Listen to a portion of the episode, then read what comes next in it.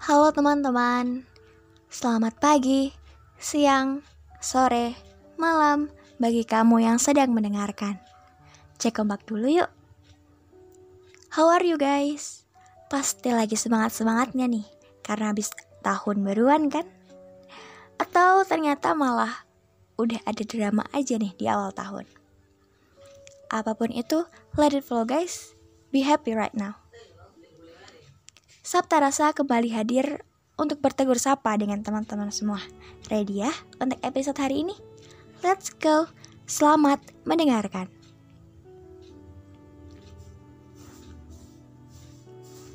Lembaran ke-6 dari 365 hari.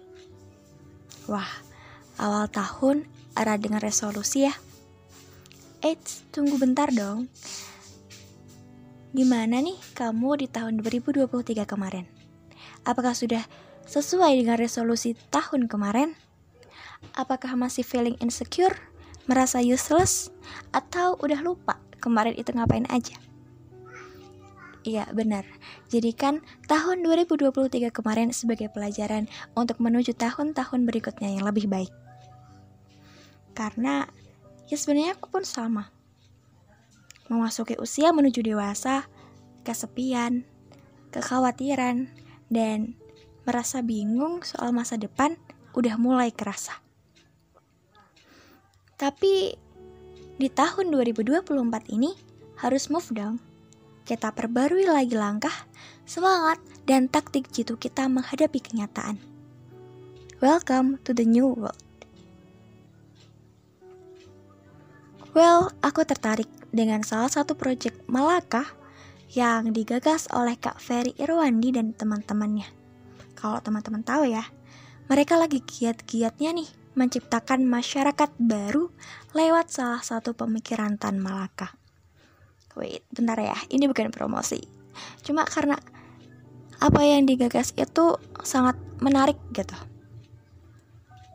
Dan bener, kita udah yang harus pintar memilah dan memilih mana kebiasaan yang baik dan mana yang harus memang diperbaiki lagi di tengah-tengah masyarakat kita. Karena kita seorang pemuda dan pemudi yang di mana hidup di tengah-tengah masyarakat nantinya. Mau nggak mau, harus bisa memberikan manfaat dong. Sebagai agent of change, guardian of value, atau iron stock. Pertanyaannya adalah, sudahkah semua itu terwujud? Wah, pelan-pelan Pak Sopir.